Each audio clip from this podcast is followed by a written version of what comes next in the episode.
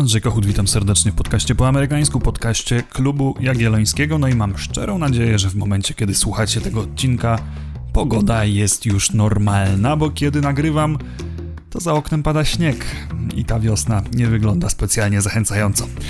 Tymczasem w Ameryce pośród wielkich spraw, które ostatnio się dzieją, napływu imigrantów, walki z pandemią, dyskusji o ogromnych inwestycjach w infrastrukturę, ta sprawa, o której dzisiaj chcę porozmawiać, może wydawać się drobna, ale jednak przykuła uwagę mediów, najważniejszych polityków w kraju, w tym samego prezydenta Joe Bidena, a nawet wzbudziła jakieś komentarze za granicą. Pracownicy jednego z magazynów firmy Amazon mieszczącego się w Bessemer w stanie Alabama, głosowali nad utworzeniem związku zawodowego, pierwszego takiego związku zrzeszającego pracowników tej firmy na terenie Stanów Zjednoczonych.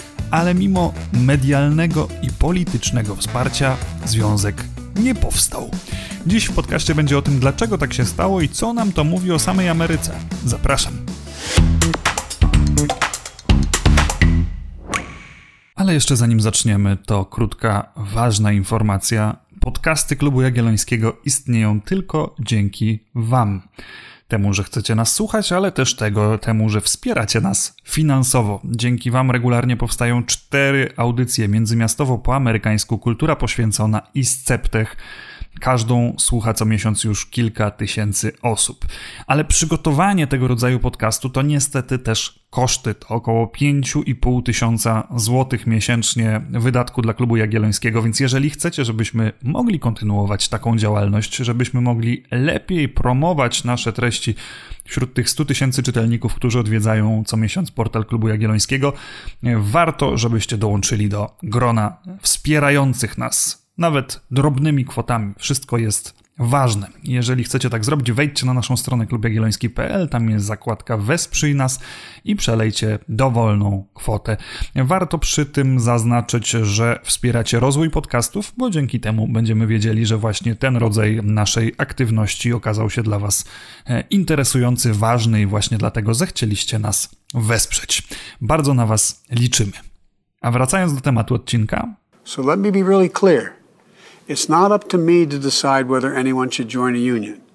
But let me be even more clear. It's not up to an employer to decide that either. The choice to join a union is up to the workers. Full stop. Full stop.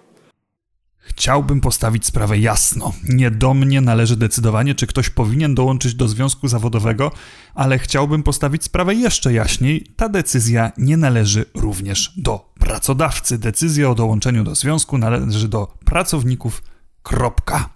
Tak mówił prezydent Biden w specjalnej wiadomości skierowanej do pracowników Amazona w Alabamie. Przypomniał, że prawo do tworzenia związków zawodowych, gwarantowane zresztą ustawą z 1935 roku, ukształtowało siłę amerykańskiej klasy średniej, przyczyniło się do wyższych zarobków, lepszych standardów bezpieczeństwa, zmniejszyło dyskryminację w miejscu pracy, zwłaszcza tę na tle rasowym.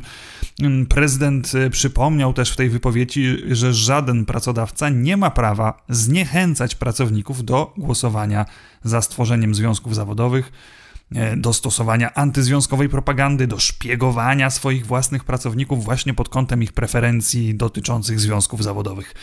Wieści płynące z Alabamy pokazują, że ta ostatnia uwaga prezydenta wcale nie była przypadkowa. Ale może zacznijmy od początku. O co chodzi w tej całej sprawie? Amazon, którego zapewne znacie, jest największym po sieci supermarketów Walmart pracodawcą w Stanach Zjednoczonych. Zatrudnia już ponad milion osób i będzie zatrudniał jeszcze więcej, bo pandemia to de facto paliwo rakietowe dla wszystkich firm zajmujących się e-commerce'em. One przeżywają boom, czego zresztą wymownym dowodem jest sytuacja majątkowa ustępującego właśnie z pozycji CEO Amazona Jeffa Bezosa, który w 2020 roku zwiększył swoje osobiste bogactwo o ponad 70 miliardów dolarów. Jednak podczas gdy firma, gdy prezes notowali ogromne profity, no to ogromny ciężar spadł na szeregowych pracowników, bo chociaż Amazon zatrudnia na potęgę i ma zatrudniać jeszcze więcej, to jednak kiedy na początku lockdownu wszyscy Amerykanie zostali w domach i nagle zaczęli zamawiać dosłownie wszystko przez internet, okazało się, że te warunki pracy, które w, w magazynach Amazona już dotąd były ciężkie, z dnia na dzień stały się wręcz nie do przyjęcia i tak należy rozumieć początek tej batalii o związki zawodowe, która zaczęła się w Alabamie.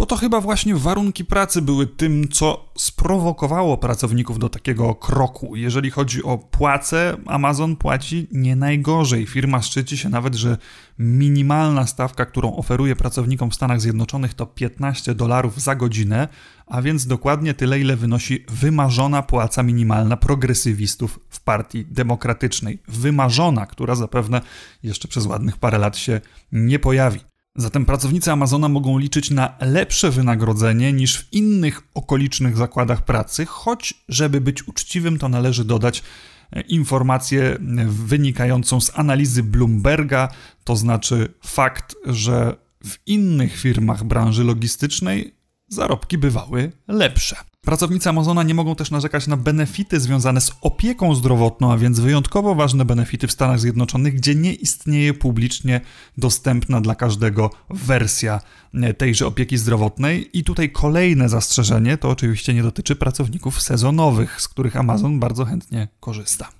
Narzekania pracowników dotyczą więc przede wszystkim wyczerpującego, monotonnego charakteru pracy w magazynach, która często negatywnie odbija się na zdrowiu, prowadzi do przewlekłych bólów, np. stawów czy kręgosłupa, e, ale jeszcze częstszym zarzutem, który można znaleźć w wypowiedziach pracowników jest dehumanizacja. Pracownicy mówią o monitorowaniu każdego ich ruchu, sprawdzaniu efektywności, z jaką przenoszą paczki z punktu A do punktu B, czy przypadkiem nie robią sobie jakichś mikroprzerw no więc mamy taką sytuację, gdzie algorytmy wyznaczają, jak kto ma pracować, a specjalne urządzenia monitorują, czy on rzeczywiście z tego planu pracy wywiązuje się z iście mechaniczną precyzją. Kto nie nadąża, może ryzykować reprymendę albo nawet utratę pracy, tak przynajmniej przedstawiali to zniechęceni pracownicy. No i jak mówiłem, w dobie pandemii te warunki pracy stały się jeszcze trudniejsze, bo po prostu wzrosło obciążenie. I dlatego już po kilku miesiącach od otwarcia nowego magazynu firmy e, w Bessemer w Alabamie, bo otwarto go w marcu 2020 roku, dosłownie na e, samym początku pandemii, już po kilku miesiącach część pracowników zaczęła postulować stworzenie związku zawodowego, by wprowadzić bardziej wyrównany dialog z pracodawcą. Sprawa dotyczyła tylko tego jednego zakładu pracy i tych niespełna 6 tysięcy pracowników, którzy w nim pracują, więc e, wydaje się drobna, jako że Amazon, jak już wspominałem, zatrudnia w Stanach Zjednoczonych ponad milion osób. Ale z miejsca ta, to wydarzenie przykuło uwagę opinii publicznej. Po pierwsze, dlatego, że Amazon, choć pozwolił na stworzenie związków e, w swoich magazynach e, w innych państwach, to w Stanach Zjednoczonych wciąż usilnie stara się do tego nie dopuścić. Gdyby pracownikom z Alabamy się to udało, oznaczałoby to przełom dla tego miliona pracowników w całym kraju. A kto wie, może również przełom dla pracowników innych firm, jak na przykład pracowników Walmarta, których jest o jeszcze milion więcej, a którzy również mogą zapomnieć o związkach zawodowych. Po drugie, cała ta sprawa zyskała poważny wymiar polityczny, ponieważ włączył się w nią nowy prezydent, jego administracja, wyrażając poparcie dla uzwiązkowienia pracowników, ale też wypowiadając się wcześniej zdecydowanie o konieczności ściślejszej kontroli i regulacji wielkich firm technologicznych, więc tutaj nadarzała się okazja, by upiec dwie pieczenie na jednym ogniu. Po pierwsze, wprowadzić związki zawodowe do takiej firmy, która od zawsze się przed tym broniła, a po drugie, ściślej kontrolować to, jak Big Tech traktuje swoich pracowników. Jednak ci, którzy mieli nadzieję na przełom, nie doczekali się. W trwającym 7 tygodni głosowaniu korespondencyjnym wypowiedziało się ponad 2,5 tysiąca pracowników firmy, ale tylko nieco ponad 700 z nich, czyli mniej niż 30%, odpowiedziało, że chciałoby stworzenia związku zawodowego. Sprawa więc upadła. Pozostaje tylko zadać pytanie, dlaczego tak się stało.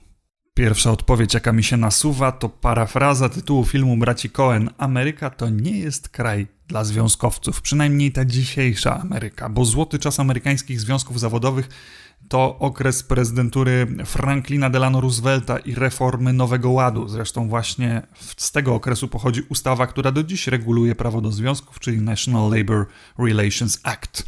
Prawdziwy boom amerykańskich związków zawodowych to są czasy wczesno powojenne, te pierwsze dwie dekady po II wojnie światowej. Wtedy historycznie najwięcej amerykańskich pracowników należy do związków zawodowych, wtedy też pozycja związków jest zdecydowanie najsilniejsza. Jednak pomyślne wiatry się w końcu odwracają w latach 70. E, po pierwsze przychodzi szok naftowy, a wraz z nim dosyć przewlekły kryzys amerykańskiej branży motoryzacyjnej, stalowej i innych powiązanych. Firmy szukają oszczędności, przenoszą zakłady na, do mniej uzwiązkowionych południowych Stanów albo w ogóle poza granice Stanów Zjednoczonych i w ten sposób zanikają te ogromne fabryki na północy, których pracownicy dotychczas stanowili rdzeń tego ruchu związkowego. Więc globalizacja, deindustrializacja e, to są pierwsze przyczyny, ale oprócz tego dochodzi do władzy prezydent Ronald Reagan, to w latach 80., a wraz z nim w mainstreamie zaczyna dominować taka zdecydowanie antyzwiązkowa retoryka. Mówi się o tym, że działalność związków zaburza działanie wolnego rynku, prowadzi do nadmiernych roszczeń ze strony pracowników i w konsekwencji do bankructw firm i do bezrobocia.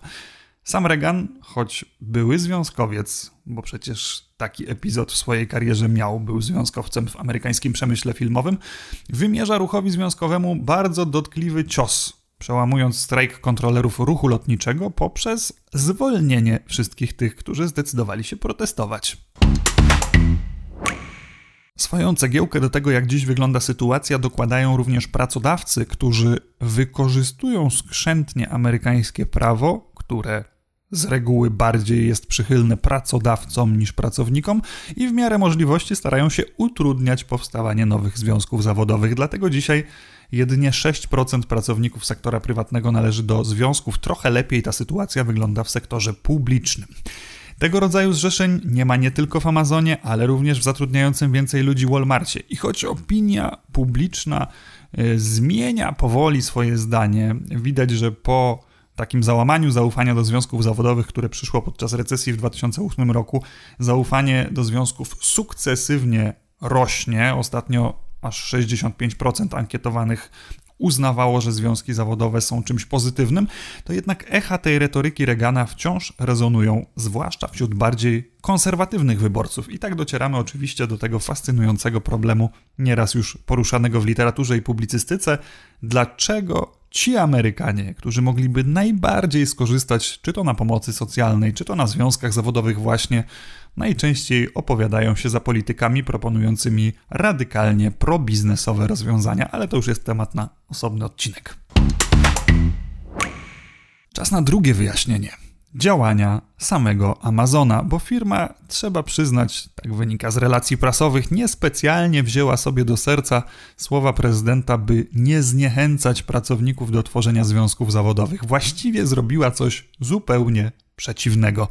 Pracownicy magazynów Bessemer informowali, że pojawiły się banery, plakaty, naklejki w toaletach nad pisuarami, które wprost zachęcały do głosowania przeciwko związkom, które codziennie po raz kolejny i po raz kolejny pytały przechodzących pracowników, czy wiesz, na co pójdą Twoje składki? Czy jesteś pewien, że ten układ będzie uczciwy? Czy nie jesteś zadowolony z tego, co już masz? My, jako firma, dajemy Ci wszystko bez związków zawodowych. Nie potrzebujesz związków zawodowych. No i tak Amazon wysyłał ten komunikat bez końca, również za pomocą wiadomości tekstowych, specjalnej kampanii na Facebooku, a nawet zaczął organizować obowiązkowe szkolenia. Wynajął firmę, która na obowiązkowych szkoleniach tłumaczyła pracownikom z Alabamy, że lepiej im będzie bez związków zawodowych. Nie trzeba chyba dodawać, że firma nie pozwoliła też organizatorom tej inicjatywy związkowej działać na terenie zakładu. Jeżeli chcieli agitować, musieli to robić e, poza murami magazynu, na przykład na parkingu, na przykład e, zaczepiając pracowników, którzy opuszczali pracę i stali w korku na światłach. No i tutaj ciekawa historia, kiedy firma odkryła, że rzeczywiście jest prowadzona agitacja e, wśród tych, którzy na światłach czekają, by z firmy odjechać, e, to dogadała się z włodarzami miejskimi, żeby skrócić cykl świateł i tym samym utrudnić agitację. Informacje o tych działaniach zostały dość szeroko opisane, wzbudziły spore oburzenie, w związku z tym należy przypuszczać, że firma niespecjalnie dbała o negatywny wpływ na jej wizerunek, jaki może przynieść odkrycie tych praktyk, raczej bardziej obawiała się sukcesu związkowej inicjatywy i ze swojej perspektywy pewnie postępowała słusznie. A więc podsumowując ten dzisiejszy odcinek. Od kilku lat obserwujemy wzrost popularności progresywnych idei w Stanach Zjednoczonych i dowodem mogą być nie tylko wiodące tematy prawyborów w partii demokratycznej, jak chociażby kwestia płacy minimalnej, powszechnego dostępu do opieki zdrowotnej, umorzenia kredytów studenckich. Potwierdzeniem mogą być nie tylko dobre wyniki kandydatów progresywnych, takich jak Bernie Sanders, jak Elizabeth Warren, ale też fakt, że część tych progresywnych postulatów przejął właśnie Joe Biden. To w połączeniu z rosnącym poparciem wśród społeczeństwa, chociażby dla związków zawodowych jako takich, może oznaczać, że lepsze czasy dla pracowniczych zrzeszeń właśnie nadchodzą. Ale niektórzy liczyli, że właśnie te głosowanie w Alabamie mogłoby stanowić taki punkt przełomowy. Tak się nie stało. Czy wygrała konserwatywna mentalność mieszkańców Alabamy, czy przeważyło zdecydowanie firmy Amazon, która bardzo mocno zaangażowała się w agitację przeciwko związkom, czy może zaważył jeszcze jakiś inny czynnik, na przykład duża rotacja wśród pracowników i fakt, że niektórzy pracowali tam na tyle krótko i mieli w perspektywie na tyle krótkie zatrudnienie jeszcze, że nie chcieli się angażować w tego typu akcje. To też może być jakaś przesłanka. Zagłosowało przecież e, tylko 2,5 tysiąca, nieco ponad 2,5 tysiąca pracowników z 6-tysięcznego zakładu. Nie dociekniemy, który czynnik był kluczowy. Można się domyślać, że wszystkie zadziałały po trochu. E, faktem jest, że w Alabamie związkowy zamach na Amazona się nie powiódł, natomiast nie oznacza to końca bitwy, bo ten sygnał jaki się pojawił przy okazji sytuacji w Alabamie, to znaczy fakt, że władze federalne na czele z prezydentem zaangażowały się aktywnie w poparcie tych działających na rzecz związków, może ośmielić tych, którzy w innych częściach kraju mają takie plany i już w najbliższej przyszłości możemy się spodziewać więcej tego rodzaju inicjatyw. I to już wszystko na dzisiaj. Mam nadzieję, że podobał Wam się ten odcinek. Jeżeli oczywiście chcecie nas wesprzeć, to przypominam raz jeszcze, że można to zrobić wchodząc na stronę Klubu Jagiellońskiego i szukając zakładki Wesprzyj nas. Oczywiście zachęcam też do subskrybowania, do followowania podcastu po amerykańsku, bo tylko dzięki temu będziecie mm, pewni, że nie ominęliście żadnego odcinka, że żaden Wam nie umknął, a następne już oczywiście wkrótce. Do usłyszenia.